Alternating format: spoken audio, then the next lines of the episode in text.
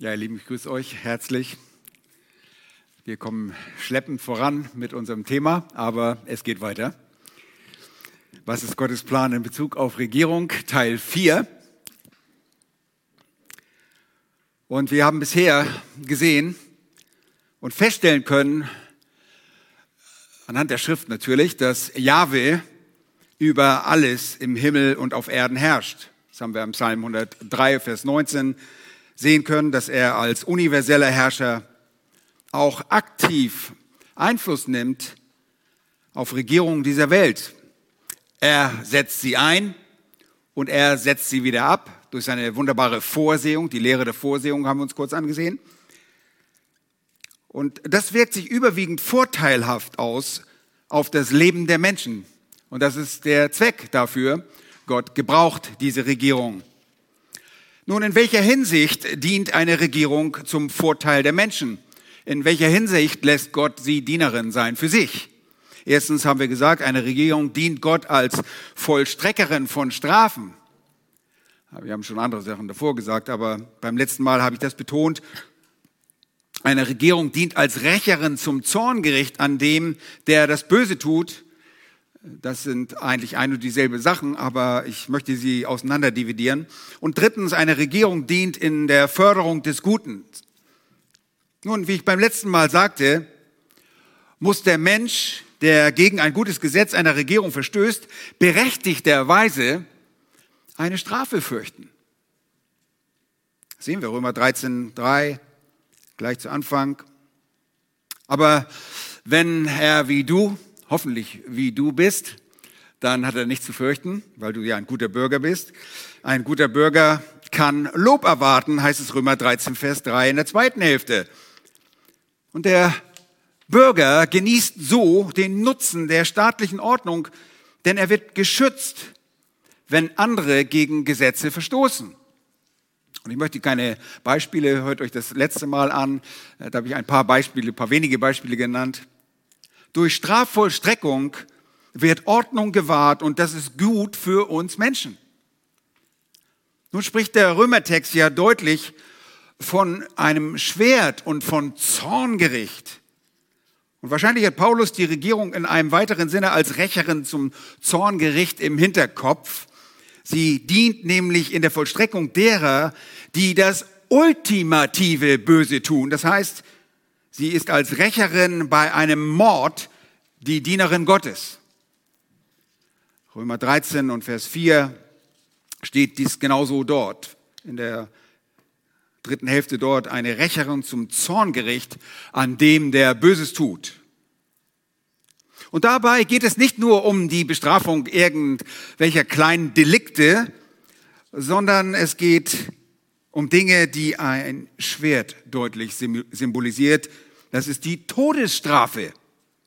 Und die Bürger eines Volkes dürfen und sollen nicht persönliche Racheakte ausüben, wenn ihnen etwas Böses angetan wurde, sondern es soll dies der Dienerin Gottes überlassen werden. Und darüber fällt auch die, fällt auch, darunter fällt auch die sogenannte Ausübung der Blutrache, sprich des Todesurteils, das im gegebenen Fall eine Regierung schnell ausführen sollte. Ruckzuck, nicht erst nach jahrelangen Verhandlungen und lebenslang gesessen. Nein, das ist ja schon Urteil, aber es soll schnell als Todesstrafe ausgeführt werden. Jahwe verordnet solche Dinge für Israel, aber es wäre weise, wenn unsere Nation, wenn die Nationen dies genauso handhaben würden. Vergossenes Blut soll durch Blut gerecht werden. Und im Kontext von Streit und Strafen heißt es im zweiten Buch Mose, Kapitel 21, die Verse 23 bis 25, wenn aber ein Schaden entsteht, so sollst du geben. Leben um Leben. Auge um Auge, Zahn um Zahn, Hand um Hand, Fuß um Fuß, Brandmal um Brandmal, Wunde um Wunde, Beule um Beule. Und dieses nennt man dieses sogenannte Vergeltungsgesetz, Gesetz, lateinisch lex talionis, sollte die selbst, durch dieses Gesetz sollte die Selbstjustiz eingedämmt werden und den verantwortlichen Leitern Israels eine Begrenzung für den Strafvollzug geben, wenn eine Partei Unrecht erlitten hatte. Und es ging darum, um ein Gleichgewicht herzustellen zwischen erlittenem Übel und der vergeltenden Strafe. Wenn also in einer Familie jemand umgebracht wurde, ermordet wurde, dann konnte der Staat nicht herkommen und dafür die ganze Familie umbringen. Nein, ein Leben für ein Leben.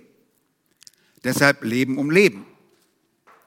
Und der Staat sollte den Richterspruch und die damit verbundene Vollstreckung augenblicklich vollziehen, zügig vollziehen, keine langen Zeiträume verstreichen lassen. Schon Salomo wusste und erkannte, was die Verzögerung in der Vollstreckung von Strafen für die Menschen bedeutete. Er schrieb in Prediger 8, Vers 11, weil der Richterspruch über die böse Tat nicht rasch vollzogen wird, darum ist das Herz der Menschenkinder davon erfüllt, Böses zu tun. Der rasche Vollzug auch einer Todesstrafe hat einen warnenden und einen schützenden Faktor für die Gesellschaft. Verbrecher werden dadurch besonnener, wenn sie wissen, oh, das kostet mich mein Leben oder hier wird sofort äh, eine Bestrafung angesetzt und nicht erst nach so und so vielen Jahren laufe ich so und so lange frei rum. Die Konsequenzen müssen sofort zu spüren sein. Ferner reicht die Verantwortung der Dienerin Gottes bis hin zur Kriegsführung. Ein Staat hat Soldaten und sollte das eigene Volk in und durch gerechtfertigte Kriegsführung gegen Aggressoren verteidigen. Das ist angemessen. So stellt die Dienerin Jahwes ein Heer von Soldaten auf und dient damit Gott und gewährt uns den nötigen Schutz, uns zum Besten. Stellt euch vor, wir werden irgend durch einen Aggressor, durch irgendeinen Aggressoren überlaufen und keiner macht was. Es ist gut, dass es Soldaten gibt. Jesus selbst hat niemals kritisiert, dass jemand ein Soldat ist. Es gibt gerechtfertigte Kriege. Und dafür sorgt unsere Regierung. Nun, unsere Regierung dient in der Förderung des Guten. Wie das geschieht und woher weiß die Regierung, was überhaupt gut ist? Das betrachten wir während der nächsten fünf Minuten. Kommt wieder. Vielen Dank.